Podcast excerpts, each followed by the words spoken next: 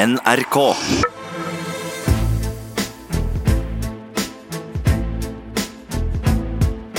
Trump mot verden med Gjermund Eriksen og Sean Henrik Matheson. Vi sitter på et skup i dag, Gjermund. Vi er også så heldige at vi har fått tak i et eh, opptak fra The Situation Room. Rommet som brukes av eh, presidenten når han eh, fyrer av missiler. Skup i norsk sammenheng, da. Det er ja, ja, ja, ja, ja, jeg veit det. Og dette opptaket Ja. Vi har et opptak, nemlig. Det er ingen andre norske medier som har fått bruke i denne Iran-USA-krisa. Faktisk også veldig få amerikanske medier også. Eh, Gjermund, er vi skal få høre? Nei, det er jo dette rommet som er litt mytisk for oss som følger amerikanske filmer og serier, men også virkeligheten, eh, hvor de menneskelige beslutningene tas til slutt. Før eller siden så tas det av et menneske, og det kan være ganske emosjonelt, den som er på toppen, og gjør det. Vi husker liksom Obama fra. Osama-perioden. Og eh, der tror jeg det er bare å høre lyden av hvordan, eh, hvordan det snakkes før den store tingen kommer til å skje. Good morning, Mr. President. What do we got? Three retaliatory strike scenarios When are they operational? at the President's command. No prep time. We're there. All three scenarios are comprehensive, meet the obligations of proportional response, and pose minimum risk to American personnel and assets. Scenario one, or Pericles one, to use its code name, sir. What is the is- virtue of a proportional response? I'm sorry? What is the virtue of a proportional response? Why is it good? En litt irritert eh, president der. Ja, og ikke den presidenten vi har nå, men Bartlett, Bartlett. i West Wing. Yes. Eh, men det illustrerer veldig godt hva, som er, hva vi er inni, og dette er fra episode tre av sesong én av West Wing. Det er litt gammelt, men det er mye av det samme som har skjedd i The Situation Room eh, denne uka, Uh, og som tar fram noe som er veldig viktig i dramaserier, men også i politikken, hvis du skal vinne, nemlig vendepunktet. Eh, og det er at vi bygger forventninger og følelser i en retning, og så kommer det noe nytt. Og så er det det helt praktiske.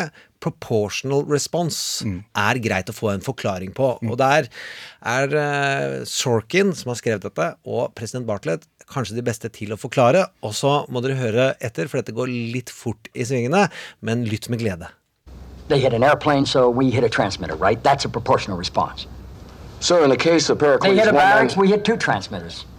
that's roughly it, yes, sir. This is what we do. I mean, this is what we do. Yes, sir. It's what we do. It's what we've always done. Well, if it's what we do, if it's what we've always done, don't they know we're going to do it? Sir, if you turn your attention to Pericles 1. I have turned my attention to Pericles 1. It's two ammo dumps, an abandoned railroad bridge, and a Syrian intelligence agency. Those are four highly rated targets, sir. But they know we're going to do that. They know we're going to do that. Those areas have been abandoned for three days now. We know that from the satellite, right? We have the intelligence. Sir. They did that, so we did this. It's the cost of doing business. It's been factored in, right? Mr. President, Am I right, or am I missing something here? No, sir, you're right, sir. Then I ask again what is the virtue of a proportional response? It isn't virtuous, Mr. President. It's all there is, sir. It is not all there is. sir, Admiral Excuse Fitzwallace. me, Leo. Uh, pardon me, Mr. President. Just what else is The there? disproportional response. Badush. Og der er vi ved et vendepunkt. Og så må vi huske på Donald, eh, slik det er beskrevet, det nære dramaet gjennom jula om hvordan beslutningen om å henrette han, det skyldtes blant annet at Donalds humør blei betraktelig dårligere og dårligere. Og han er en president som har hatt rykte på seg at han ikke vil krig. Det har denne presidenten også. Bartlett vil ikke krig. Og episodens premiss handler om at han ikke vil krig.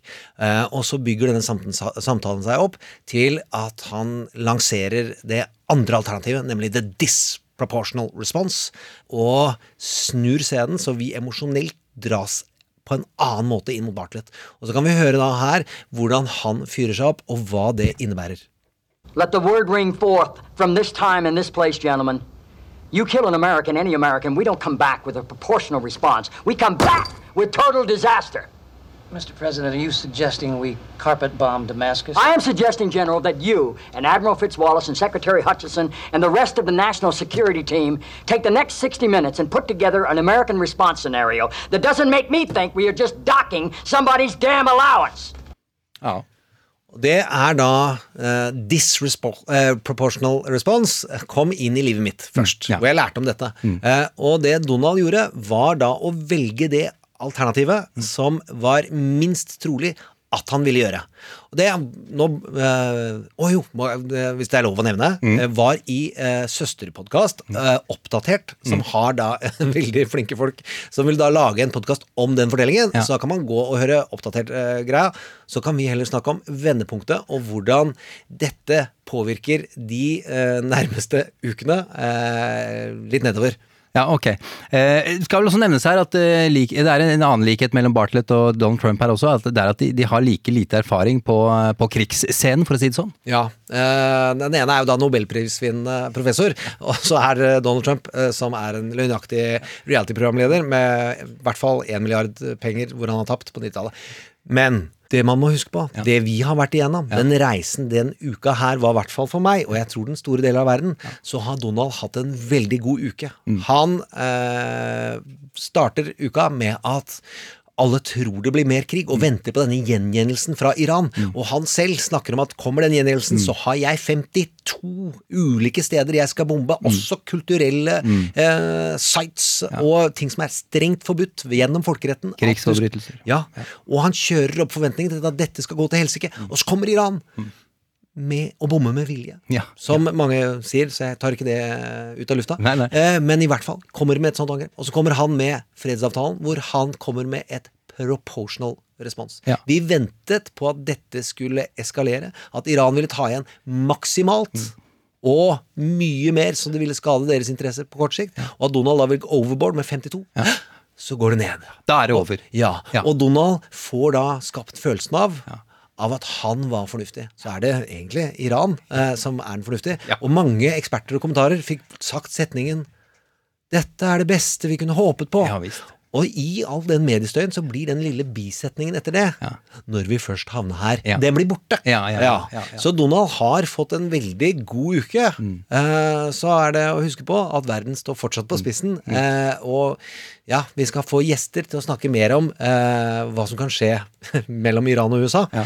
Eh, men å forstå vendepunktet, og hvordan Donald skjønner dramatisering. Ja. Og han er veldig fornøyd nå. Han har klart å gjøre seg selv til en ørliten helt her, han som ikke dundrer på, liksom. Vi skal jo ikke spoile hvordan det går eh, i Bartlett-episoden. Mm. Eh, der skal man høre til slutten av denne episoden, så får man svar på det. Se der hvordan vi setter opp en suspens. Ja, Men uansett, eh, den er veldig verdt å høre på, altså. Velkommen til Trump mot verden. Jeg heter Sean Henrik Matheson. Eh, Gjermund Eriksen har du også hørt stemmen til. Eh, til deg som hører på, eh, takk for at du gjør det. Det er alltid stas.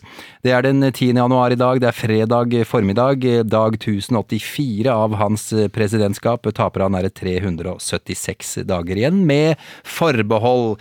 Tre ting vi skal snakke om i dag. Ja, men altså Før det så hadde vi jo en fyr som reiste mye forrige uke, eh, til Venezuela.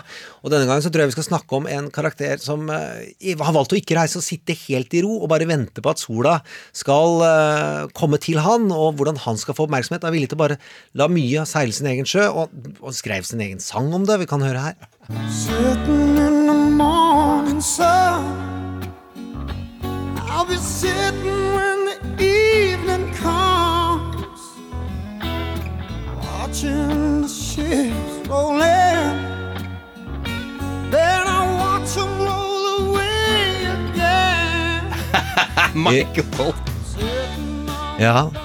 John Bolton er tilbake, og det må vi snakke om. Ja, og han vi, har lyst til at alle skal seile rundt ham. Ja, helt riktig. Det andre vi må snakke om, er jo uh, sjølsagt uh, Iran og USA. Ja. Uh, og der får vi gjest. Ja, Hege Moe Eriksen fra Urex. Ja. Urix det gleder meg veldig til, ja. Og ting nummer tre, det er Urix, Urix. uten krig. Uten krig, så deilig. Donald ønsker at vi skal prate om noe annet, nemlig eh, hvor flink han er i Iran. Så da skal vi snakke om Bolton, om impeachment. Vi må også snakke om hva ved utenrikspolitikken er det som påvirker Donald, Mm. eh, som eh, ikke nødvendigvis er til hans fordel. Eh, det tror vi også er veldig stas å få Eriksens innspill på, Ja, helt ikke. Gjermund Eriksens. Hege Mo Eriksen. Egemo Eriksen. Eh, tre ting vi ikke skal bruke så mye tid på i dag, eh, Gjermund.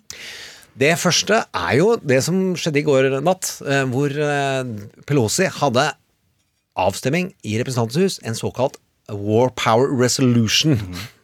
Som er en uh, ikke-forpliktende avtale eh, som de later som de ønsker at Senatet vil skrive under på, og som da ikke får noen konsekvens, for det har ikke en lov i seg. Nei, de vil begrense president Trump sin mulighet til å eh, angripe andre land, rett og slett. Ja, men Gå til krig. men de gjør det ikke i lov, Nei. så da uh, har de ikke den effekten. Nei. Mm. Men de får vist at de er imot, eh, og så kan man jo høre Så hadde, hadde jo skjedd allerede at en eh, senator fra Det republikanske parti Mm. hadde æresskjelt hvordan Det hvite hus prøvde å forklare hvordan dette angrepet kom. Nedverdigende, sa han. Ja. Og Pelosi i går, når jeg så talen hennes, så sa hun at det her eh, Det har vel aldri blitt beskrevet så ille, den eh, brifingen. Mm. Og så fikk vi en annen senator som er en litt sånn Trump-ryggslikker, Marco Rubio, eh, som sier noe. Og så får vi høre hva han andre senatoren sier om det Rubio sier, som jeg syns er artig å høre. At det splittes litt innover i republikanske partiet. It was very well done. Uh, I think they've done an excellent job of outlining the rationale behind both the uh, decision to go after Soleimani and the response uh, to the uh, Iranian attack yesterday. Det var altså Marco Rubio, tidligere presidentkandidat. Little, Ru Little Rubio, ble han ikke kalt det? Ja, Little Little Hanson, som ville alltid- ja. Var- som- som Donald mobba han jo basically, ja. Nei, men først mobba han, så han, han heiv seg ned i gjørma- med Donald, og så var han ikke flink nok. Var ikke og så kommer da Lee fra Utah, senator, eh, han som har sittet lengre enn Mitt Romney, Mm. eh, og han er erkekonservativ. Eh, han er eh, libertaner, som det heter, så han er både konservativ, men han er veldig grunnlovstro. Mm. Eh, og hør hva han sier om eh, Rubio og Trump. I think he must have been in a different briefing than I attended. I, I, I literally find it difficult uh, to imagine how my friend Marco, who is smart, who listens carefully, who cares about these things, uh, how he could emerge from that meeting and say that it was good. It, it was terrible. I, I think it was an unmitigated disaster. Oh. Unmitigated disaster kan dere prøve å si ti ganger før dere legger dere. Uh, ting nummer to. Eh, veldig kort fun fact. Ja. Det er en kjempekamp om reklamepausen i Superbowl. Ja. Hvor uh, Donald Trump, ryktes det, har prøvd å kjøpe en reklamepause. Og så har vi den som har ekstremt mye penger. Jeg tror jeg hørte i går 146 164 millioner dollar har han brukt så langt, Mike Bloomberg. Ja, ja. Ny Eller 140 eller noe. kandidaten. Ja, ja. Eh, og så sier han han hadde kjøpt 30 sekunder. Nei, da skal han kjøpe ett minutt. Ja. Og det der er en kamp som noen får kose seg med. eh, og så får vi se. Skal vi snakke litt mer om eh, Bloombergs reklamestrategier neste uke? Ja, det kan vi gjøre. Og annonsen i Superbowl er verdens dyreste, bare for å si det. Det, det koster så mye penger at du bare kan glemme det. Vi skal heller ikke snakke så mye om, om Donald Trump jr. i dag. Nei, det er men det. Ja. er viktig å se for seg, for det kom ut et bilde denne uka uh, hvor han poserer med et uh, gevær Mm. uh, med bilde av Hillary Clinton på skjeftet, eh, og et sånn Temple Riddle-symbol Mm. som han så under Som også Breivik likte å smykke seg med. ja visst. Ja, og det gikk jo verden rundt, Mm. og så har han kommet med en bok. Eh, og han har hatt tidligere så har han hatt andre bilder som ikke er til å glemme. Nemlig han holder en elefantsnabel, han holder andre dyr. Som han har skutt. Ja, ja, ja. Så han er en jeger, så det er ikke noe hyggelige greier. Eh, og så har han eh, jo nettopp skilt seg for å bli litt sånn som pappaen sin. Eh, ja, for at du skal ha tre koner. Mm. Ja, og han, ok, først en supermodell, eh, og så nå en nyhetshost fra Fox News, Ja. som liksom slutta, fordi hun kan ikke være sammen med en politiker og sitte og hoste. Mm. Nei. Jeg tror eh, i hvert fall Huffing Post et par andre medier er løgn, Mm. og, at han og at hun nå har vist fram på mobiltelefonen sin bilder av uh, menns eldre deler eh, til andre ansatte, Ja, eh, andre ansatte, og da har en liten seksuell trakasseringssak Oi. som hun måtte forlate av. Ja. Eh, og så har vi det at eh, med den første kona så har hun fem barn, og så kom denne undersøkelsen. Mm. Republikanere, hvem er det de ønsker at skulle stille til i 2024? Mm. Ja. Donald Trump jr. Ja. var høyt opp på den lista. Ivanka Trump var på den lista. Og Donald Trump jr. han har fem barn. Så når Donald Trump jr. er ferdig med sin periode, så har han nok Trump jr.-juniorer som kan uh, foreta. Så folkens, dette kan vare i evigheten. ok. Wow, Gjermund. Det var eh, det Ja, vi bare prøver å sette det var, opp det var, ja, det var rart eh, å høre om, egentlig. eh, Donald junior, junior, juniorer. Eh, vi skal til John. Jeg vil ikke være med på denne narkodealen. Bolton. Trump mot verden med Gjermund Eriksen og Sean Henrik Matheson. John Bolton, mann med barten, han som kan se ut som en hyggelig bestefar, eh, men som er en av de største haukene i amerikansk eh, politikk. Hauk blir brukt om folk som argumenterer for, og som foretrekker å gå til krig. Eh, i motsetning til de feige og dustete duene som bare vil ha kjedelig kjærlighet og fred. Og, og, og uh, sex og rock'n'roll. Ikke drugs, ikke drugs. Ikke drugs, bare sex og rock'n'roll. Eh, John Bolton er advokat, konsulent, diplomat, politisk kommentator på Fox News og selvfølgelig tidligere nasjonal sikkerhetsrådgiver for Donald Trump. Gikk av i september 2019 eh, etter halvannet år omtrent. De røyk uklare over en rekke ting, apropos Iran. Eh, Bolton ville ha et regimeskifte der, det ville ikke Trump. Trump ble fornærmet da Bolton påpekte, at eh, Nord-Korea hadde brutt FN-resolusjoner om å teste missiler. Nei, det har de ikke gjort, eh, sa Donald. Eh, Jo, det har de, sa Bolton, og han hadde rett. For ikke å glemme narkodealen Trump forsøkte seg på med Ukraina. Ikke på ordentlig, selvfølgelig, men det var altså så skittent at selv Bolton fikk nok. Om han fikk sparken eller sa opp er uklart, som det jo alltid er med Trump og hans falne tidligere ansatte. Eh, Men dette er nyere historie. Før det hadde han en lang karriere i amerikansk politikk. Jobbet tett med både Ron Reagan og George W. Bush, altså den yngre. Eh, Og var selvfølgelig veldig gira på å gå til krig eh, mot Irak, både i 1991 og 2003. Da fordi de hadde masse ødeleggelsesvåpen, som de jo ikke hadde. Det angrer forresten veldig mange på, eh, de som hadde med dette å gjøre, men ikke John Bolton. Det er, det er han veldig flink til å si. eh, og de, de, de fle- fleste svarer unnvikende på det spørsmålet. Det gjør ikke Bolten. Han er, han er klokkeklar. Eh, stolt og fin. Helt, helt fram til for et par dager siden så har Bolten sagt at eh, han vil nekte å vitne når selve riksrettssaken kommer i gang i Senatet. Eh, Når det skjer vet vi stadig vekk ikke. Nancy Pelosi nekter å sende over saken til Senatet og dermed starte prosessen, før hun vet hvordan reglene for rettssaken vil bli. Eh, eksempel eh, om det vil kunne legges fram nye bevis som har dukket opp, eller føre vitner. Eh, Disse reglene er det lederen i Senatet, Mitch McCollen som bestemmer over, og han har ikke bestemt seg ennå. Og Bolton har sagt at hvis presidenten vil at jeg ikke skal vitne, så vitner jeg ikke. Pipa fikk en annen lyd for to dager siden. Da sa han at hei, hallo, jeg vitner, gjerne ring meg. Og jeg kommer. Donald Trump og republikanernes verste mareritt kan bli sant, har amerikanske medier skrevet. Gjermund, hva mener du om dette her? Eh, kaboom! Det er et uh, vendepunkt, helt klart. Eh, og Mitch McConnell settes under et enormt press. Og så er det viktig for alle, altså det viktigste å tenke om John Bolton, er jo at han ligner på naboen til Homer Simpson.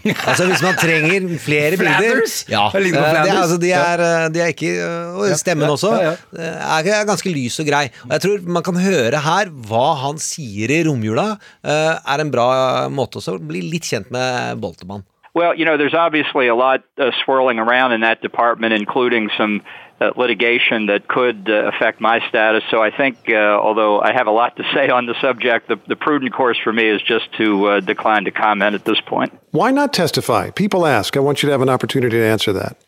Well, I appreciate that, but as I say, Dr. Uh, Kupperman, my former deputy, is in litigation now on, on a, what to me is a critical separation of powers question. Uh, when the House issues a subpoena, and in his case, and I think it would be true in mine, the president uh, tells him not to testify, uh, which authority controls. Dr. Kupperman went to court uh, to seek the third branch's opinion in this conflict between the first two. Ja, Gjermund? Ja, og det vi ene viktige er at stemmen hans er ganske lik Flanders, det også. Ok, greit. ja. Og hvis vi får rydda unna at vi har gitt litt visuell og uh, audionøkler eh, for dem, så er det å legge merke til at han har nå ombestemt seg fra det han sier. Ja, men Hva er det som gjorde at han ombestemte seg? Det er to ting. Det ene, da kan man spole tilbake tid. Uh, Det hvite hus sendte et brev eh, til Kongressen og sa at dere har ikke rett til å snakke med våre rådgivere og ha innsyn i våre papirer. Det var legendarisk dårlig juss, eh, og det mener da veldig mange inni det republikanske partiet også. Ja, for de har rett til det. De har, det er derfor Representantens hus finnes. De skal gi oversight. Eh, Så det står veldig dårlig til med begrunnelsen til at John Bolton egentlig ikke skal vitne. Så det er et tidsspørsmål. Og da kan han velge å eh, ta skjebnen i egne hender og dramatisere seg inn og gjøre seg til midtpunkt, som eh, vår gode venn Michael Bolton tar fram i sangen, eh, så får han eh, sagt når og hvordan, istedenfor at det er Høyesterett, en rettsinstans, som sier tvinger ham fram. akkurat. Det gjør han mer mektig. Ja, jeg skjønner. Eh, og det andre er jo at han får sagt ja til Senatet. Mm. Det styres tross alt av Moscow-Mitch, eh, og det gir en annen eh, forventning hvor han går og snakker til sine egne, der republikanerne er i flertall. Eh, Moscow-Mitch uh, Mitch McConnell, bare for å si det. Ja, Ja, lederen eh, ja. og det uh, gir han jo også en annen type aura i det republikanske partiet. Mm. Han har ikke gått tiggende inn til Nancy Pelosi. Han går inn uh, der, Nancy- der eh, Mitch har flertall. Hvorfor er dette viktig, Gjermund? Ja, Det er fordi det setter Mitch McConnell Mm. eh, og hans senatorer under press. Det er en av deres egne som sier 'jeg vil vitne'. Eh, og det skyver på Romney, det skyver, skyver på Collins og to-tre andre som vi ikke skal trene opp eh, navnehusken til alle andre her. Ja, ja. Eh, og et, det ene husker jeg ikke sjøl. Nei, men det er ikke så viktig. Men, men, men det, fordi det som jo er et poeng med John Bolton her, eh, Gjermund, er jo at han har en veldig høy stjerne og høy troverdighet blant republikanere, som også eh, støtter da Donald Trump i tykt og tynt. Er ikke det riktig, Gjermund? Det, det, det er det som ja, er det spennende. Men nå kommer vi til noe utrolig viktig å forberede seg på. Ja. Vi vet ikke hva som blir det neste vendepunktet. Nei. Det kan gå to veldig motsatte veier. Mm. Eh, John Bolton kan komme og gi et helsikes vitnemål Mm. som i det minste svekker Donald Trump vesentlig fra fram mot valget. Tror folk mer på John Bolton enn Donald Trump, er jo spørsmålet. På, det, i, Republikanere. Republikanere I Senatet. Nei, det, i Senatet, ja. Men Ja. blant det amerikanske folk så rater nå Donald Trump så Mm. høyt uh, han er, Det er bare Reagan og Abraham Lincoln som er så vidt over han, hvis, ikke, hvis jeg ikke husker helt feil. Eh, Så han rater veldig høyt, selv om de vet han lyver. Ja. Men uh, spørsmålet er hvor troverdig er han i, i sitt eget parti? Og John Bolton sin troverdighet er veldig høy. Ja. Så han kan enten gå og så gi han en skikkelig kilevink, Mm. eller så kan han gå inn og si ja, det er mye å beklage, men dette er ikke noe han bør avsettes for. Mm. Han kan få fram sine poenger eh, og få havne i sentrum og få sagt det han har lyst til, uten å svekke han. Mm. Akkurat. Og det er det Hvis Det er- man husker Robert Mueller-effekten. Ja. Alle forventer seg av Mueller, han kommer til å bare wow, gjøre at Donald Trump må gå av. Mm. Og så kommer han og holder et ja, eh, jeg vil, Slapt innlegg. Slapt kan vi også si. Jeg men han er sier gammel, slapt. gammel mann. Han er ikke i P13 Fader, sin kjernemålgruppe. Han er i, liksom. og så er det å huske på hva slags fyr er John Bolton innerst, og der er han en policymann. Altså Han kalles en supermaktmann av en del amerikanske eksperter og kommentatorer. Eh, men han er mest opptatt av utfall og politikk. Hva som faktisk skal skje. Men hva, betyr supermaktmann? Hva er det for noe? Det er fordi han har vært inne i republikanske eh, regjeringer Ja. siden 80-tallet. Ja. Eh, han eh, vet og behersker hvordan slike prosesser er. Og en av de som er, har jobbet mye med han, og som omtaler han mest som eh, innsiktsfullt, er Nicole Wallace, som var pressesekretæren eh, til W. Eh, George den yngre, ja. ja. jobbet da mye under Irak-konflikten, men jobbet da hele tiden i, i hele Bush-perioden, og har jobbet i republikansk politikk på 90-tallet også. Hvor Bolton hele tiden er synlig og påvirker hvordan republikansk politikk utformes. Og hun sier han vet hvordan du skal hive en skiftenøkkel inn i en maskin, så ting stopper. altså Hun sier at han kan nærmest stoppe hva som helst, for han er så god på beslutningsprosesser. Så kan vi høre henne her, eh, hvordan hun framstiller Bolton kontra de andre som har vitnet eh, i Representantenes hus. The idea that he could be smeared the way the Republicans smear Colonel Vindman, that he could be dismissed as hysterical the way they sought to smear Yovanovitch and um, Fiona Hill, as, as abhorrent as that was, is just not the case with Bolton. He is a conservative's conservative. Ja, er, hun sier jo ganske tydelig. Så, men ok, men vi skal altså ikke nødvendigvis tro at, eh, at John Bolton vil skade. Det blir helt sikkert spennende, men vi vet ikke hvor det går. Så ikke knytt håpet til Ah, at dette er det som vipper Donald av tronen. Eh, Det kan eh, virkelig hjelpe til å svekke han, men det kan også styrke han. Vet vi noe, om, eh, noe mer om når riksrettssaken kan starte, Gjermund? Nei, men jeg så i natt, så var Nancy ute og mykna litt opp og sier at eh, som en god bestemor, det kommer kake snart. Men, det kommer kake snart. Ja, ok, greit. Ja, nydelig, Gjermund. Kake er, venter vi på, altså. Eh, Men nå skal vi til eh, Iran eh, og USA-krisa. Trump mot verden med Gjermund Eriksen og Sean Henrik Matheson. USA versus eh, Iran, det skal vi i gang med nå. Et eh, ørlite historisk tilbakeblikk først. Og det er ørlite, vi hopper over 4000 år og plukker ut et par nøkkelhendelser. her, men Du gliser med en gang. Det er, det, vi kunne snakka om veldig mye. Eh, Men la oss bare starte med den iranske revolusjonen i, i 1979. Shahen av Iran blir kastet, og innkommer Ayatollah Khomeini. Eh, Den islamske republikk Iran er et faktum. Eh, November samme år blir den amerikanske ambassaden i Iran inntatt og okkupert av demonstranter. Eh, Og holder amerikanske personell som gisler i 444 dager. De siste 52 blir eh, løslatt i januar 1981, ja. Det er det samme tallet som Trump har brukt de siste dagene om antall steder han eh, har vurdert, eh, eller ville bombe, da, hvis det skulle gå ytterligere til helvete. Eh, Vi hopper også over Iran-Contras. Iran-Contras. Det skapte dårlig stemning, det er det viktigste. En Iran-Irak-krig burde vi sikkert ha snakka mye om. Også at eh, USA skyter ned et eh, iransk eh, passasjerfly i Persiabukta i 1988. Eh, Ved en feil, eh, riktignok, men 290 mennesker dør. De fleste iranske pilegrimer på vei til eh, Mekka. The Axis of Evil nevner vi raskt, som George W. Bush fant på. Eh, Verden fikk eh, noia over atomprogrammet til Iran og innfører økonomiske sanksjoner, eh, som til slutt ender i en atomavtale i 2015, eh, som alle er fornøyd med, helt til Donald river den i fillebiter i 2018. Og da har vi kommet fram til i dag, dvs. si at Trump drepte Soleimani, og at Iran hevnet seg ved å sende 16 raketter inn i Irak og bombet baser med amerikanere på. Vi skal utenriks, og ikke så langt faktisk. eh, Fem minutter å gå herfra, fra vi sitter, eh, Gjermund. For der sitter Urix-redaksjonen. Hege Moe Eriksen, velkommen. Tusen takk. Det er veldig hyggelig å ha deg Utrolig på besøk. hyggelig å være her. Prisbelønnet eh, journalist her i NRK, tidligere utenriksreporter med base i Brussel. Eh, De siste årene har du vært i Urix-redaksjonen, altså. Eh, Hege, eh, hva tenker du er worst case og best case-alternativene for eh, 2020, når vi da tenker på Iran-konflikten? Hvis vi begynner med worst case, kanskje. Ja. Nei, altså det var jo noe med å høre deg ramse opp eh, historikken her, da. Ja, det er mye mer! Ja, ja. Men altså, da fikk man jo virkelig et litt sånn herre gufs Ja. av det traumet som uh, Iran kanskje er for USA. Ja. Em, sånn at uh, Jeg veit ikke, men jeg har inntrykk av at uh, veldig mange, både de som forstår seg på dette, og vanlige folk, eh, er blitt eh, engstelige og redde. Og jeg tenker at det er egentlig med god grunn. Ja, ja.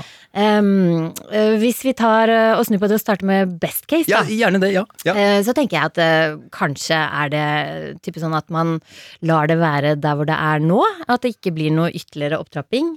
Eh, kanskje kan hver enkelt leder se på det som en sånn seier. Trump tok ut uh, den militære mesterhjernen til sin store fiende, uh, Qasem Soleimani. Um, dette er jo da den andre uh, store fienden som han tar ut. Tidligere så har jo da han fått tatt av dage IS-leder Abu Bakr al-Baghdadi. Og dette her er jo på en måte hard valuta som han kan Ja. bruke i valgkampen, tenker jeg. Mm. Eh, Og for Irana. Hvordan kan det være altså, Ja, er Best sant? case altså, for oss, hvordan Iran oppfører seg, at de ikke angriper noe som helst som provoserer USA videre. Ikke sant? For det, det de gjorde, var jo da å sende to raketter inn i en militærbase, eller to militærbaser i Irak, eh, på et tidspunkt hvor man kunne anta at det ikke vil bli så mange mennesker skadet. Så det var en ganske mild reaksjon. Og med raketter som visstnok er programmert til å treffe veldig godt. Ja. Eh, og så er det bommer de litt med vilje, var i hvert fall Ja, Noen har sagt til og med at de kan ha snakka med USA. Det kan de jo selvfølgelig. Jo, de varsler. ha varsler. Ja, varsler, Ja, nei, men det ja, gjør de innimellom, ja, ja, har jeg lært. Altså, de har jo vært eh, forsiktige her, da, Rett og slett. Og så har jo mange påpekt at dette her er jo en slags gavepakke også til det iranske regimet, for der har det vært masse bråk eh, den senere tid. Folk har rast i alle de store byene i eh, Iran. Eh, enormt folkelig misnøye. Litt som Eh, Lillehammer-OL, det samler. det samler, det samler. Bare for å løsne akkurat stemningen. For nå er jo stemningen snudd på hodet med en gang, og nå har jo på en måte regimet folket med seg. Nå er man iraner, man føler seg tråkka på, man er fornærma, man har fått en felles fiende.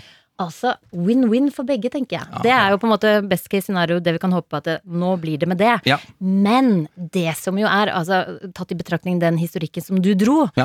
eh, og, og når vi tenker på hvor langvarig denne konflikten er, eh, og hvor betent den har vært, og hvordan man nå har gått fra en avtale som man tidligere satte all sin lit til og håpet på at nå skulle man på en måte kontrollere Iran, og man skulle få dem inn i folden igjen. Ja. Ehm, ikke sant? Og, og, All den energien er bortkasta. den er bortkasta. Og når man tenker da på at det kommer en så alvorlig eskalering, så tenker jeg det kommer ikke til å stoppe der. Nei, du Altså- tror ikke det innerst inne, du kjenner det på deg. Ja. Ja. Jeg Og erfaringsbasert, selvfølgelig. Ja, ja, ja. Jeg kan ikke Iran eh, sin mentalitet eller hvordan den iranske ledelsen holder på, men hvis jeg bare ser på det som hva Donald driver med, som en, den store mobberen i skolegården. Eh, som, eh, så har du en annen drittunge som oppfører seg jæklig dårlig over tid, som ingen andre egentlig liker, eh, og som da har eh, plaga den store mobberen, og så går han og gir han en ordentlig kilevink, den store mobberen. Mm.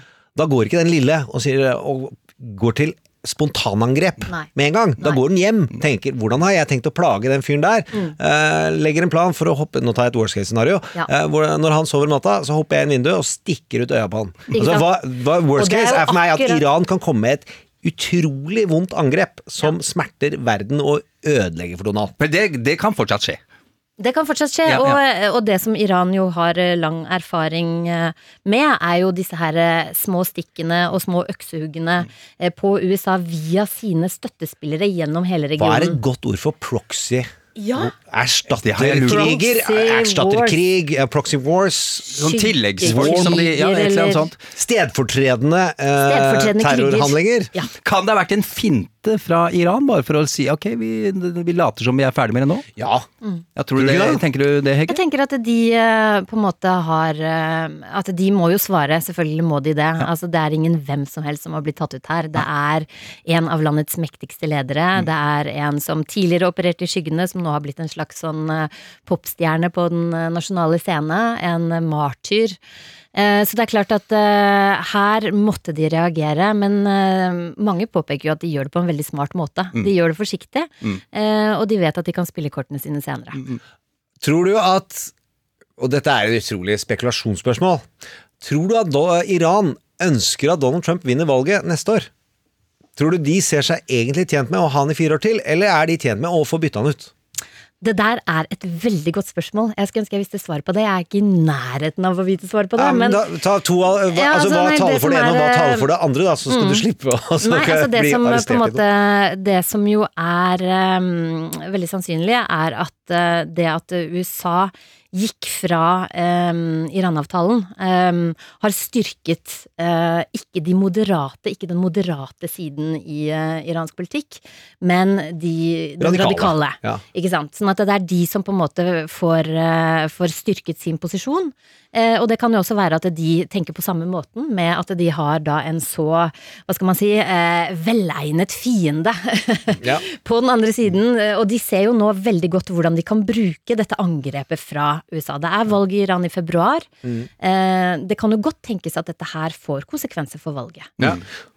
For det, på den ene siden så jeg, har vært, jeg har en iransk venn som er eh, flyktet derfra, og som er eh, Som sier at de er ikke så opptatt av religion som du kan se på TV. De er Nei. veldig opptatt av penger. Ja. Eh, mye mer enn det man tror. Og at det, de økonomiske sanksjonene har vært utrolig smertefulle.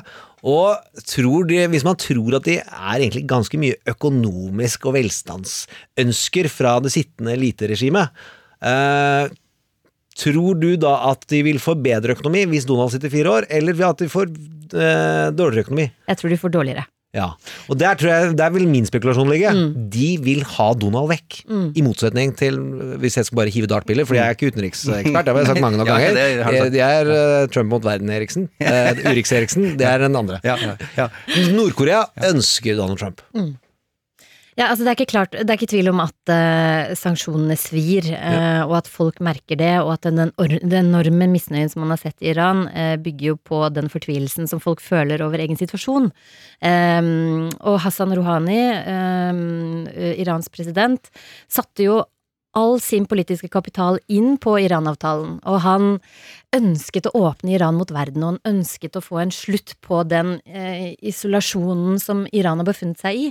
Eh, og han reiste rundt på en slags, eh, holdt på å si nærmest en sånn her eh, signingsferd Nei. i Europa. Eh, og hanket inn ikke sant, businessavtaler til eh, mange milliarder kroner med europeiske selskaper og så videre. Ja, Norge Eh, er et par norske selskaper. Laks skulle jo selges i Iran, og det var mye sånt. Og det meste av det har jo da gått i dass, er det lov å si Det det? er vi høyst å si. svinge, svinge effekten innover mot Ja. USA, Ja. og så skal, skal vi høre hvordan Donald brukte det her i talen. Altså, han prøvde, prøver seg på mange innenrikspolitiske grep, Eh, men her har vi et av hans, la oss si, favorittroper. Iran's hostilities substantially increased after the foolish Iran nuclear deal was signed in 2013.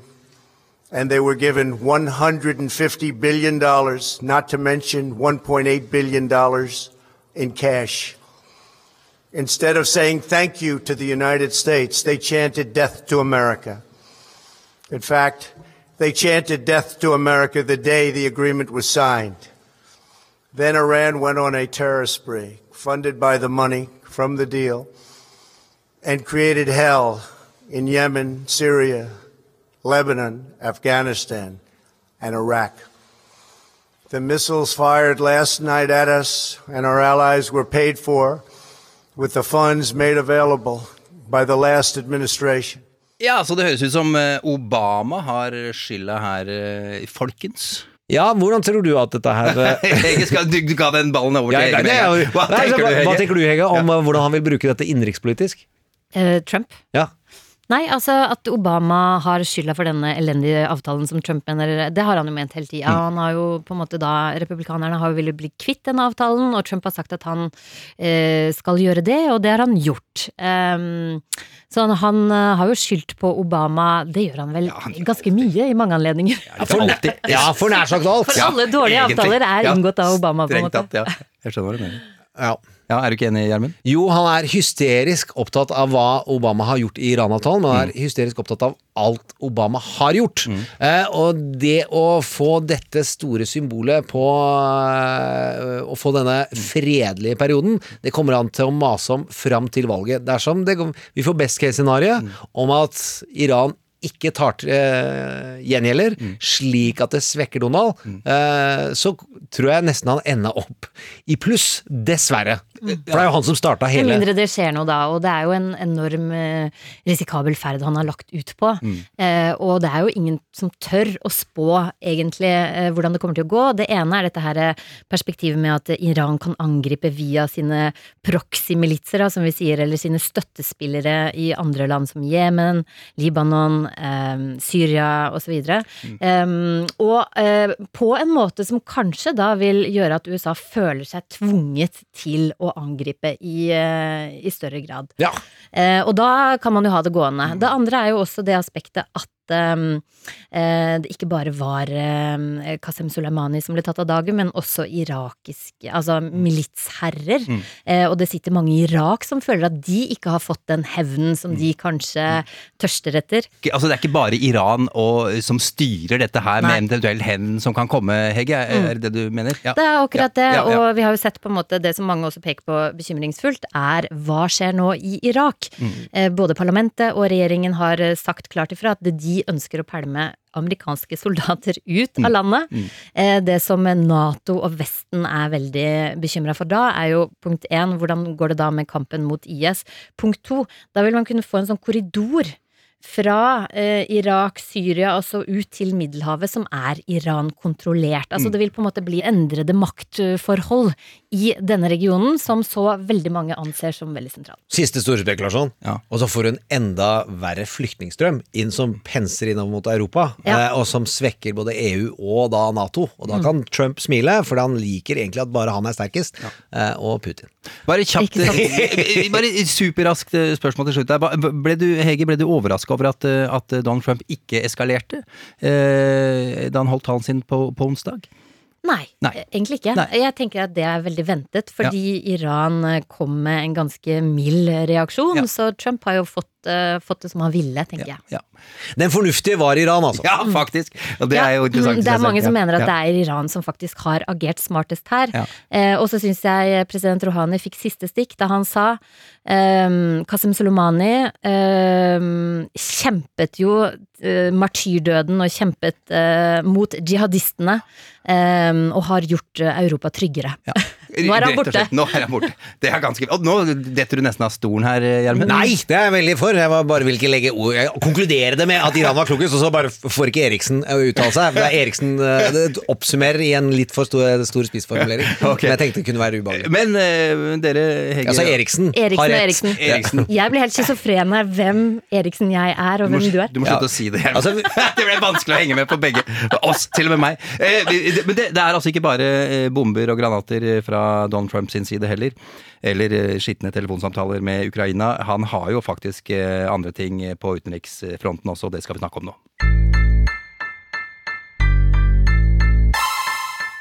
Eh, Donald har ett år igjen på å make America great again, både i og utenfor Amerika, for å si det sånn. Det henger jo sammen, men det skjer jo altså ting utenfor USA også. Han gjør andre ting enn å sende bomber i huet på folk i Irak.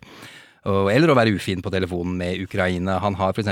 landet handelsavtaler med Mexico og Canada, og han venter på å lande en med Kina. Derfor kan det være lurt å se litt på utenrikspolitikken hans, og det skal vi gjøre, Hege. Eller hvis vi kan begynne konkret, og hvis vi ser bort ifra eh, ting som er fare for krig-aktige, som da å true Iran eh, med total utslettelse. Det gjorde han jo for lenge siden. Eh, og sånn, i gamle dager føles nesten sånn eh, da han truet eh, Nord-Korea med ild og vrede. Det, det, er jo, det skjer jo så mye. Det er helt eh, vilt. Eh, Hege, vi har laget eh, en liste over de tingene det prates mest om i amerikanske medier og deres, eh, av deres utenrikspolitiske eksperter. Skal jeg bare dra den lista for deg? Gjør det. Eh, destabilisering av Nato, eh, trekke seg fra klimaavtalen, handelskrig med Kina, WTO-blokkeringen, eh, og at, de da, at han trakk seg fra TPP. Eh, avtalen TTP, hva er det for noe eh, Gjermund? Det er eh, flere amerikanske presidenter over tid som har prøvd å lage et handelssamarbeid i eh, Sørøst-Asia som skulle stå imot eh, Kinas enorme innflytelse og, og handelsmakt. Og det blokkerte Donald Trump. Det var det også strid om innad i Det demokratiske parti. Eh, men det, i hvert fall, det er en, var en måte å tvinge Kina til å forholde seg til mange handelspartnere. Og det var vel igjen en sånn dårlig Obama-avtale. Ja, det var Selvfølgelig ja, selvsagt, selvsagt. Og Hillary, ikke minst. Han brukte kjempemye i uh, valgkampen, så hun til slutt endra mening. Uh, hun kalte det jo, før hun stilte før innspurten, the gold standard of eh, handelsavtaler. Ja, oh.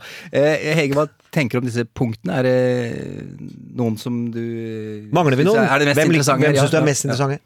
Eh, altså, det er jo noe med summen her, vil jeg bare si. Totaliteten i utenrikspolitikken hans som har, uh, har endra verden litt sånn grunnleggende. Um, jeg har eh, ofte snakka med Utenriksdepartementet, og da har de sagt sånn at Nei, men du, eh, du skjønner det at eh, Glem liksom alt det her bråket på Twitter, og at han liksom ranter og er gæren og sånn. Fordi bak det så har vi et veldig stabilt samarbeid fortsatt med USA, altså. Ah. Men Ja. sorry, Ok. den går ikke lenger. Ja, fordi, ja, går du trodde, trodde du på dem når de sa det? Ja, jeg gjorde det. Men hvorfor sier de det til deg da, når du snakker med dem? Nei, det nei, nei, det er lenge siden. Det var i fjor de sa det. Ja, og det er lenge siden. Det, Det er lenge siden. Ja, ja, ja, ja. Okay. Så nei, men vi er, det, vi er forbi Hva har det vært liksom. mest destabilisering da, av de vi Altså, nominerte jeg nå, sånn eller de andre? Hvis vi skal eh, på en måte se på vår tids største sak, det er jo klima. Ja. Um, så, så da vil jeg jo kanskje fremholde eh, det at han trakk seg fra Parisavtalen som eh, kanskje det største Mm. skuddet for baugen Ja. for verden. Eh, vi så jo før jul, eh, toppmøtet i Madrid, fikk Mm. man svært lite til. Em, jeg har snakket med folk som sier at eh, før så hadde på en måte Kina så en sånn eh, stabil partner i USA. Em, nå som USA har trukket seg unna, så har liksom Kina også sakket akterut på klimafronten. Ja. Der tøffa de framover, nå har det også stoppet litt opp. Mm. Eh, som dette får konsekvenser. Mm. Vi trenger på en måte et USA som er et lokomotiv, Mm. og nå er de da hva, hva skal man si, altså noen som sparker Altså, bein, Ja, eller altså, han vil ha bort sparepærene. Altså, bare, sånn liten som, du er, bruker for hånd, sånn som du tar opp Ja. og ned. Så, hvis man bare tar det, altså det, det jeg syns var det mest morsomme og mest innovative klimatiltaket fra Obama, eh, var faktisk i West Wing eh, foreslått. Nemlig sette klimastandard for bilindustrien som de må holde for at de skal få subsidier. Eh, og ved at han satte inn en maksgrense for bensin Ja. for at de skulle få Så Han skulle utslipp, redde- utslipp. bilindustrien. Ja. Ja. Eh, Så slapp det Så senka det et enorme utslipp. Mm. Eh, Og som var inspirasjon til hvordan klimaavtalen kunne utformes nærmere når de endelig fikk den i mål. Og så skal den rives ned, da. og, og, det er jo av veldig stor betydning. Tenk på at du har da en president i verdens mektigste land som, som em, ikke bare på en måte setter seg på bakbeina, men som, som helt klart også mistror at eh, klimaendringer er menneskeskapte. Han trekker forskerne i tvil. Han sier Something's changed. I think it'll change back. Det, Ja, det var nydelig! Det er veldig bra. Oh my god. Eh, ja, men ok, men dette er jo da litt på på lengre sikt, på et vis, da. Det med klima går an å si, gjør ikke det? Nei, det har jo ødelagt jo mange års, altså nærmest et tiårs samarbeid med å få i stand klimaavtalen sånn som Ja, den var. ja. Eh, og da blir det nullstilt. Det kommer til å ta lang tid å bygge opp. For all del. Ja, eh, men det jeg tenkte på, var at Prøvde å være litt klimaentusiast Ja, for å få er- nye er venner på Facebook. Jeg er helt enig med dere. Men det med Nato, tenker jeg, det er vel kanskje mer nærliggende altså Akkurat nå skjer mm. Nato. Hva tenker du om det, hvis du skjønner hva jeg mener? Nå, Destabiliseringen av Nato. Destabiliseringen av Nato er selvfølgelig Nei, altså Trump han har jo da um, et veldig ambivalent forhold til Nato. Han har jo um, lenge sagt at han uh, godt kan finne på å trekke USA ut av mm. Nato. Mm. Mm. Um, alle vet jo da hva det vil jo bli da eh, alliansens visse død, mm. selvfølgelig. Mm. Um, og det kom jo lekkasjer uh, i 2018 2017, tror jeg det var, eh, om at han igjen på en måte gjentok at han kunne komme til å ta allians, eh, USA ut eh, av Nato. Ehm, Rex Tillerson hadde en gjennomgang hvor, altså der, hvor han sa, Når han sa at han var en jævla idiot, mm. så var det for han måtte forklare hvorfor Nato finnes. Ja. Eh, fordi Donald Trump Hvorfor trenger vi å være ja. medlem i det hele tatt? Mm. Og det, sånn, det, det trodde han ikke var mulig at måtte forklares. Mm. Det var da han sa en jævla idiot. Ja. Fucking moron, var det ikke det han jo, sa? Ja. Men Trump ser jo på Nato em, som eh, en sånn brikke som han kan bruke for å fremme sine egne interesser. Han prøver å få med Nato eh, til å fremme amerikanske interesser i Midtøsten, mm. um, og det sliter han med. Em, og så mener han at det er USA som på en måte gjør alt, og det stemmer jo heller ikke. Men USA bidrar jo med noe em, 4 av sitt forsvarsbudsjett eller noe, og han vil jo ha de andre til å bidra mye mer. Og det er klart at det er USA som er den store pilaren i Nato. Em, ja. Jeg kan ikke regnestykket, men mye av den militærinvesteringene vi er nødt til å gjøre for å nå disse målene, Ja. hvem er det som selger de våpnene og de militærsystemene? Så i forhold til om eh, USA tjener eller taper på det, så tror jeg det fins en og annen våpenfabrikk i USA som gjør det utrolig gode penger på det. Altså er den jo gru- altså Han er nærmest eh, allergisk mot å tenke langt. Det at det er fred og stabilitet i Nato-området, det er jo USAs største handelspartner. Eh, og gir forutsigbarhet for deres økonomi i lang tid, hvis jeg skal lese høyt fra notatene jeg har fått av Jens Stoltenberg. Det er ljug, det er ljug, folkens. Hege, vet du noe om hvordan Jens Stoltenberg egentlig forholder seg til eh, Donald Trump? Nei, det vet jeg ikke. Nei. Eh, Men har du noen rykter Kanskje vår om- korrespondent eh, gjør Ja. det? Mm, mm. Nei, jeg vet ikke. Nei, men nei. eh, han eh, har jo på en måte et godt rykte på seg Mm. for å være en eh, slu eller en god diplomat. mm. Ja, Hvordan syns du han har spilt korta? Jeg vet ikke, men han får jo masse skryt av eh, Donald Trump. Han er god til å smiske er, eh, først med Donald. Altså, ja. Det har jo alle verdensledere Ja, ja. funnet ut, at det nytter veldig å smiske. Og jeg syns, hvis jeg ikke husker helt feil, Jens gikk eh, fort ut, smiska raskt, og gjør det først hver gang. Eh, Men eh, de har jo snakket sammen på telefon nå eh, for noen dager siden, eh, da Trump sa at eh, nå må eh, Nato eh, trå til her. Mm. Og da sier jo tilsynelatende eh, Jens Stoltenberg at ja, det, ja, det skal vi gjøre. Ja, Det kan vi kanskje gjøre. Eller han ja, sa ja, ja, det ja. kunne vi gjøre, sa han. Ja, ja, ja, ikke sant? Så han er ikke helt Så han, eh, han modererer seg. Ja, ja. Eh, og jeg tror ikke altså Nå har jo for eksempel her på hjemmebane har jo diverse partier gått ut og sagt at det er ikke aktuelt for Nei, Norge å bidra med noe eh, inn i Midtøsten. Og, Og kjempe eh, USAs krig, rett og slett. De vil jo ikke det Og det. tror jeg ikke noen andre ledende europeiske land vil gjøre heller, rett og slett. Til det med hans utenrikspolitiske rolle sett fra USA, da. Jeg går jo mye på han, hvordan han ser på avtaler og handel. Altså, hvordan, eh, Hva tenker du om hvordan han opptrer som dealmaker, som han skryter noe veldig av at han skal være? Eh, Hvordan verdenstilstanden preges av hans syn på hvordan dealmaking skal foregå? Mm. Nei, altså, hva skal man si? Det kommer litt an på øyet som ser, tror jeg, om han er god eller ikke. Um, han, uh, han har jo en sånn grunnleggende forakt for det som kalles altså det multilaterale Mm. verdensorden. Um, hvor man har en rekke internasjonale institusjoner som lager kjøreregler for eh, handel og for uh, hvordan man skal oppføre seg i verden. FN, WTO osv. Uh, som han uh, gjør alt han kan for å svekke og, og bygger ned. Uh, det finnes jo mange eksempler på. Han har jo da eh, prøvd å, å eh, minimere det USA betaler inn til FN. Han har nå i et par år lammet WTO. Ja. Eh, For der er det jo sånn at eh, WTO da lager kjøreregler for verdenshandelen. Og hvis eh, Så det en to eller flere land Ja.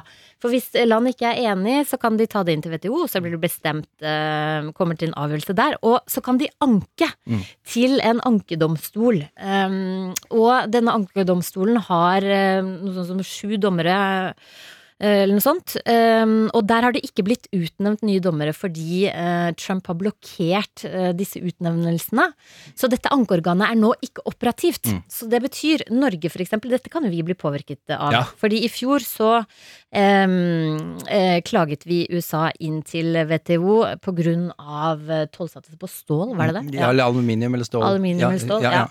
ja. Um, og eh, dersom Norge da Den er jo ikke avgjort, den, den saken, men dersom denne ankedomstolen ikke er på plass ennå, så kan vi risikere at WTO eh, er, blir handlingslammet, og, at da eh, USA eh, kan diktere oss hva, hva som skal skje Donald for med dem. vilje. Ikke sant? Som, med, som fun fact, ja, så, gjør, så har jo han da planlagt å ødelegge dette fordi han liker handelsavtaler hvor han er én til én. Han er tilbake som gammel eiendomsmagnat og vil ha deg inn i rommet og stå der. Ja, og når det er multilateralt, så er det noe så ubehagelig som voksne mennesker må forholde seg til. Eh, Folkens, bare hør her. Det er flere hensyn å ta. Og det er når han hører at det er flere hensyn å ta, da tenker han at han taper penger. Han skjønner ikke at det går an å tjene penger på at flere mennesker samarbeider, at begge kan tjene på en avtale. Men er det frykten for å bli lurt? Nei, er det det det er- det handler om? Eller å ikke tjene nok penger, eller mer penger? Veldig. Men det heter vel, hvis jeg har lest noen artikler eh, rett på internett eh, Han er eh, opptatt av nullsumspill. Det er ikke mulig at to parter kan tjene på en avtale. Det er alltid en som tjener mer enn den andre. Og så har noen helt sikkert prøvd å forklare det, for det er veldig gammeldags. Det er vel nærmest merkantilistisk. Altså vi skal 400 år tilbake i verdenshistorien, for hvor man gikk bort fra nullsumspill som teori for hvordan eh, nasjoner blir rike. Ikke. Eh, der er Donald. Og der er vi litt tilbake til at Nei, Vær så god, Hege. Nei, altså, det er jo for eksempel i, i forhold til Kina, ikke sant? Så, så ser han at Kina vokser raskere enn USA, og så sier han dette her kan eh, Dette er ikke rettferdig. Ja, Eh, urettferdig. Men han mangler glemmer jo da 700 millioner innbyggere i USA for å få til den samme eh, forbruksveksten, da. Ikke sant? Men det han glemmer, er jo at både USA og Kina har tjent på samarbeidet. Begge to. Det har gavnet begge to. Um, og så kan mange sikkert være enig i at eh, det er en ubalanse i eh, handelsforholdet mellom Eller det viser Mm. tallene, mellom Kina og USA. Men, men, men han ser på det, ja, som du sier, på en sånn merkantilistisk måte. Han skiller ikke mellom bedriftsøkonomi og samfunnsøkonomi. Nei, det ser du. Ja, Altså bedriftsøkonomi er- eh, eh, ti år i næringslivet her, ja, ja. det, de har ikke bare det synet som Donald har. Altså. Det her er gammel altså, Det her er utleiemarkedstankegang, Mm. Og det er én type marked, og det er veldig ut fra hans New York-trening på 60- og 70-tallet, som skaper denne typen av å forstå ting. Mm. Og vi snakker om fyren som tross alt hadde 10 av all privat gjeld i USA. Nei, alle, alt tap. Ja. Oi, der slo jeg borti mikrofonen! Da ble du ivrig. Men ok, eh, Nei, men, det er, ja, men det er veldig interessant det der, fordi det er jo også liksom slående når han har eh, ikke sant, og det kommer enten eh, eh, Mohammed bin Salman fra Saudi-Arabia og skal lage noen svære våpenavtaler, eller Bolsonaro fra Brasil, og da, eh, liksom når de har disse møtene sine da i det ovale rommet i Det hvite hus, eh, så drar de fram sånne her eh, svære sånne sjekker på Ja. liksom kartong med masse sånn nuller. Det er som sånn TV-lotteri. Så er sier Trump sånn derre Ja. Se her, er folkens! Liksom her var USA Gjør, tror han. Halvard Flatland kommer ut fra kulissene? At det er Birgitte, tause Birgitte, med all respekt, vi liker deg, kommer ut og holder sjekken? Ja, det er det. Og han Og er kommer fra den sånn type eh, Diplomatiets kunst, og at, at verden må jobbe sammen for å, for å skape en bedre fremtid og sånn, er på en måte redusert til antallet nuller Ja. på den plansjen. Rett og slett. Vi skal til ukas eh, karakter, eh, og vi gleder oss eh, ekstra i dag, Gjermund. The president himself has labeled its author, Bob Woodward, an idiot. Bob Woodward, do you agree with that? Please welcome the master of horror himself, Bob Woodward. Ja, der fikk vi jammen navnet på ukas eh, karakter. Som sagt, Gjermund, vi har gleda oss eh, ekstra. For Hege, det er du som står for, eh, for ukas karakter. En fyr vi har snakka om veldig mange ganger, men som du har truffet personlig. Treff Bob Woodward! Ja, Hege, hvordan Altså Bare for å si det, Bob Woodward, som jo sammen med Carl Bernstein rullet opp Watergate-skandalen som førte til at Richard Nixon gikk av som president i, i 1974, eh, da det ble rimelig tydelig at han ville bli stilt for, eh, for riksrett. Hege, eh, når møtte du ham?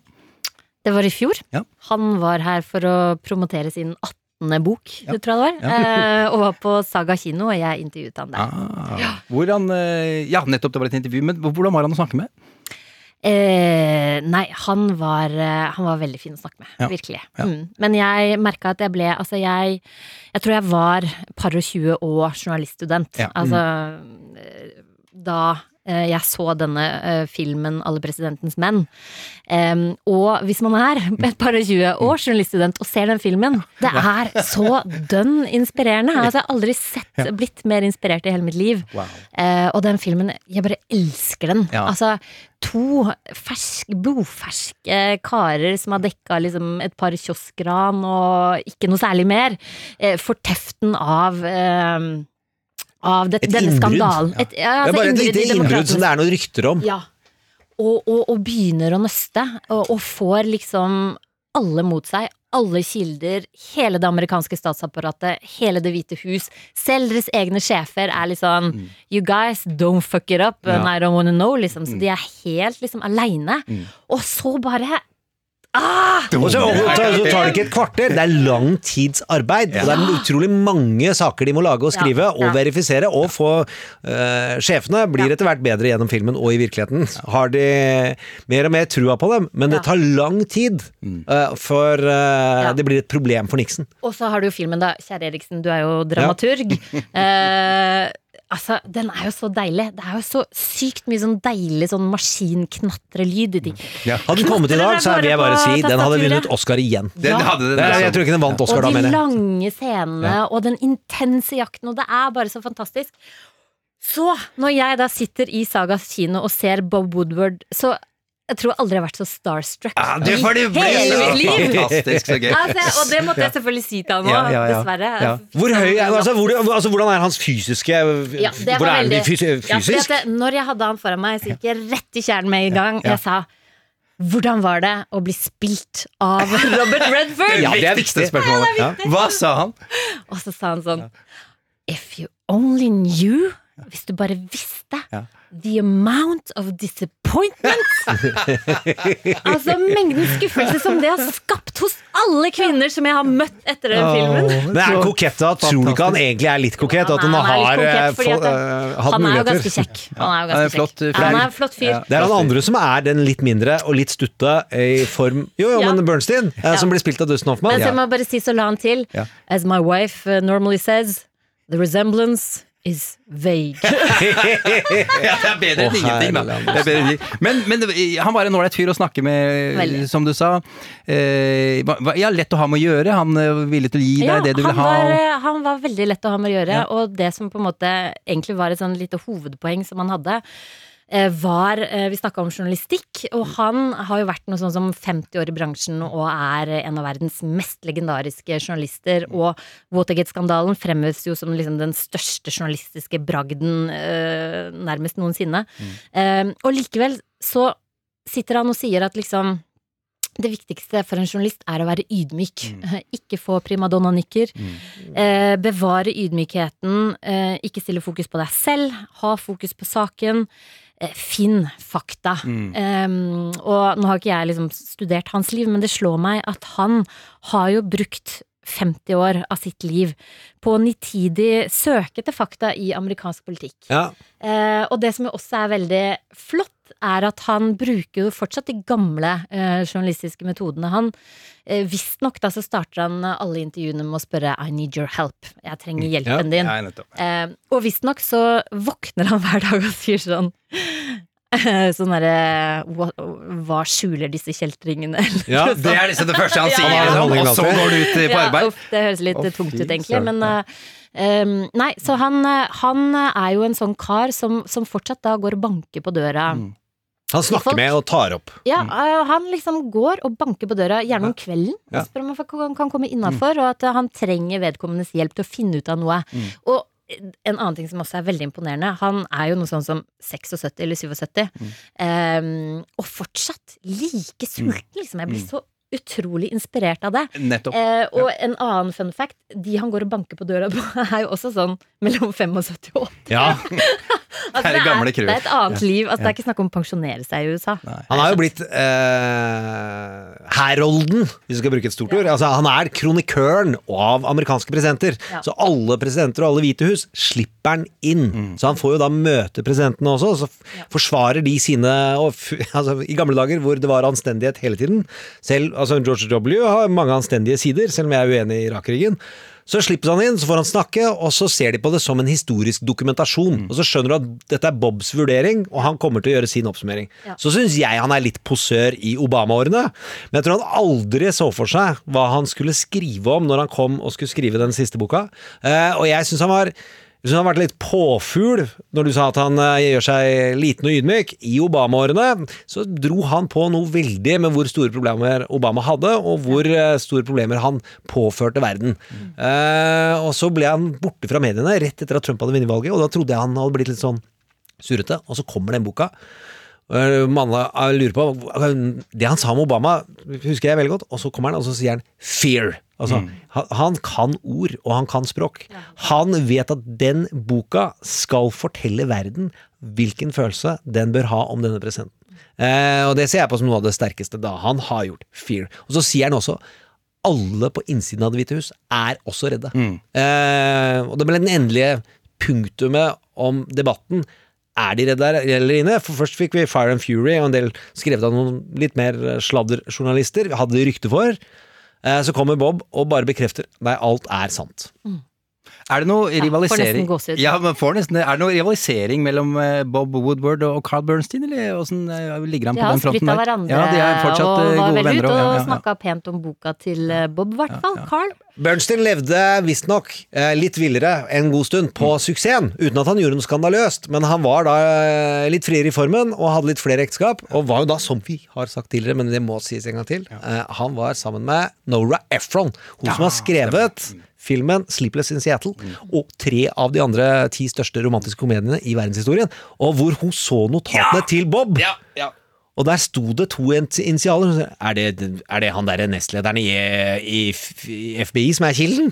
Nei, nei, nei, det der er bare Det er ikke notater. Så det, så det var også noe menneskelig uforsiktighet. Og det var deep throat, det var deep throat vi snakker om nå. Så vi så er tilbake i det har vært 1990, splitta ja, ja. eh, talspersoner fra ulike mediegrupperinger. Og Bob har aldri forlatt Washington Post. Vi må gi oss der, bare si at Deep Throat var jo da kilden, hovedkilden til disse gutta da de rulla opp eh, Watergate-skandalen. Kjære deg, du som hører på. eh, Send oss gjerne en mail eh, til trump.nrk.no. Vi, vi svarer selvfølgelig, også her på lufta. Vi har et spørsmål nå som vi skal stille fra Even. Hei, Even. Gjermund og Hege. I hvor stor grad er det pågående Iran-opplegget ment som en forstyrrelse i medias dekning av impeachment-prosessen? Hva tenker du om det, Hege? Altså, dette her er sånn tilbakevendende Mm. spørsmål, føler jeg, i redaksjonen. Mm. Som vi spør oss Det er eh, alltid det det vi spør oss, vi også ja, vi, ja, ja, ikke sant? Hva skjedde det? Um, Det må jo bety at han ikke orker er jo litt friere Ja. i spekulasjonsformen Ja, ja. enn det utenriksjournalister kan være. Mm. Uh, og husk på én ting. Donald har nevnt at Obama ville bruke det for å vinne gjenvalg. Mm. I 2012 og 2013. Så han har det i sitt apparat, i hvordan er det han kan eh, påvirke et valg. Mm. Eh, og er det noen handlinger, lovlige og ganske ulovlige, som vi kjenner til, som Donald har valgt å ikke bruke for å vinne valg, og hvis vi går før det, for å vinne en handelsavtale, for å lage et TV-program, for å være eiendomsmagnat på 90-tallet, eller være kjendis, finanskjendis med konkurser på 80-tallet, han har alltid brukt alle kjente virkemidler. Eh, og at han hadde det inni sitt repertoar som dette har jeg tenkt å gjøre i mm, først slutten på første sesongen, for han tenker på første periode som første sesong av sitt realityshow, Donald Trumps presidency, yeah. og det skal gå i mange sesonger. Ja, han vil helst det. Så tror jeg at uh, han har hatt denne Iran-konflikten som en mulig avleder, Mm. og som en samlende greie i, uh, lenge. Har han lykkes i så fall? Det er uh, altfor tidlig å si, men han har hatt en, no, en mye bedre uke enn det noen hadde forestilt seg forrige uke. Tilbake til vendepunkter. Ja, vendepunkter. Enig i det. Ja. Um, du, eh, artig episode her, eh, Gjermund, og for så vidt Hege. Eh, Klaus Wiese, vår gode venn eh, og kollega, du hører ham i, i Nitimen i helgene, han kom innom på kontoret mitt her om dagen, og så sa han du Sean, eh, jeg vet om den beste hevnen iranerne kan gjøre på Donald Trump. Eh, Det ville være å få inn en person i Det hvite hus, eh, å komme så nær Donald Trump som mulig, og så barbere håret av ham. Hva sier dere til det? Er ikke det veldig morsomt? Bare sånn når vi er på hevn. Vi snakka om det tidligere i dag. Det er noe av det største problemet han har i hele verden, er å ikke bli sett uh, Ja. fotomessig.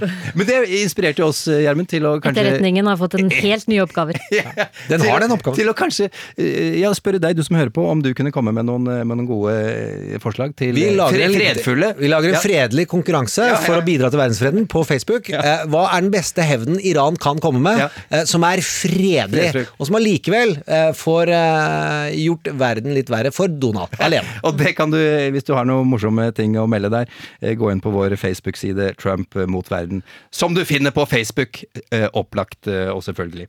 Eh, Hege Mo Eriksen, det har vært en glede å ha deg på besøk. Tusen takk for at jeg fikk komme. Veldig, veldig gøy. Ja, Nydelig. Gjermund, vi avslutter med traileren vår. Hva vil du si om den for neste uke? Altså, vi har starta sendingen med proportional response fra West Wing, eh, og det var på tide å gi det svaret. Og der går jo du inn i scenen og møter da denne anti-trumpske presidenten, Bartlett. Mm. Eh, så kan man få svar på hvordan det endte.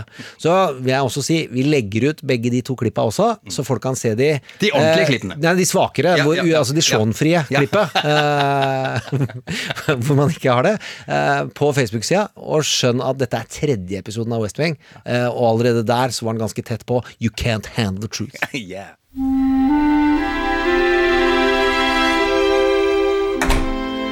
Come on, in here, begge to. What do you need? You were yelling in the situation room, and me and Leah, well, this isn't okay. President Bartlett, and yelling at Abby, your wife. When we're done here, you're sending Abby some flowers. Yes. Did you know that 2,000 years ago, a Roman citizen could walk across the face of the known world free of the fear of molestation? The Romans? What have the Romans? He could walk across the earth unharmed, cloaked only in the protection of the word civis romanus. I am a Roman citizen. So great was the retribution of Rome, universally understood as certain, should any harm befall even one of its citizens.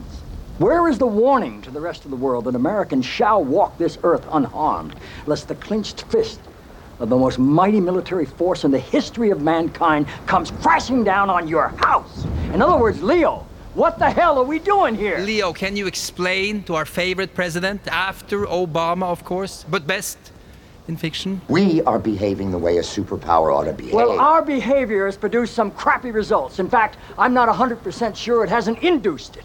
What are you talking about? I'm talking about 286 American Marines in Beirut. I'm talking about Somalia. I'm talking about Nairobi. and you think ratcheting up the body count's going to act as a deterrent? Do you? You're damn oh, right then you do. are just as stupid as these guys who think capital punishment's going to be a deterrent for drug kingpins.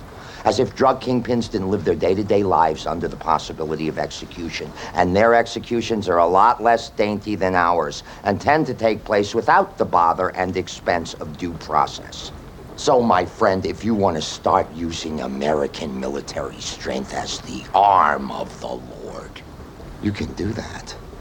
But you better be prepared to kill everyone. Kill everyone. Leo, calm down. And you better start with me, because I will raise up an army against you. What? And I will beat you. His point is, it is civilized with a proportionate response. That makes you powerful. Leo, don't threaten. It's how you behave if you're the most powerful nation in the world. Thank you, Leo. See, Bartlett, this is only episode three in season one. You have seven more seasons. Okay, you will learn this, okay? No carpet bombing or anything. It is bad enough i virkeligheten. Kjære alle serie- og American politics and Bartlett-loving podcast listeners and listenerinas. Det er ikke småtteri i potten. Vi skal ha proportional response neste uke. Ja da, vi lover.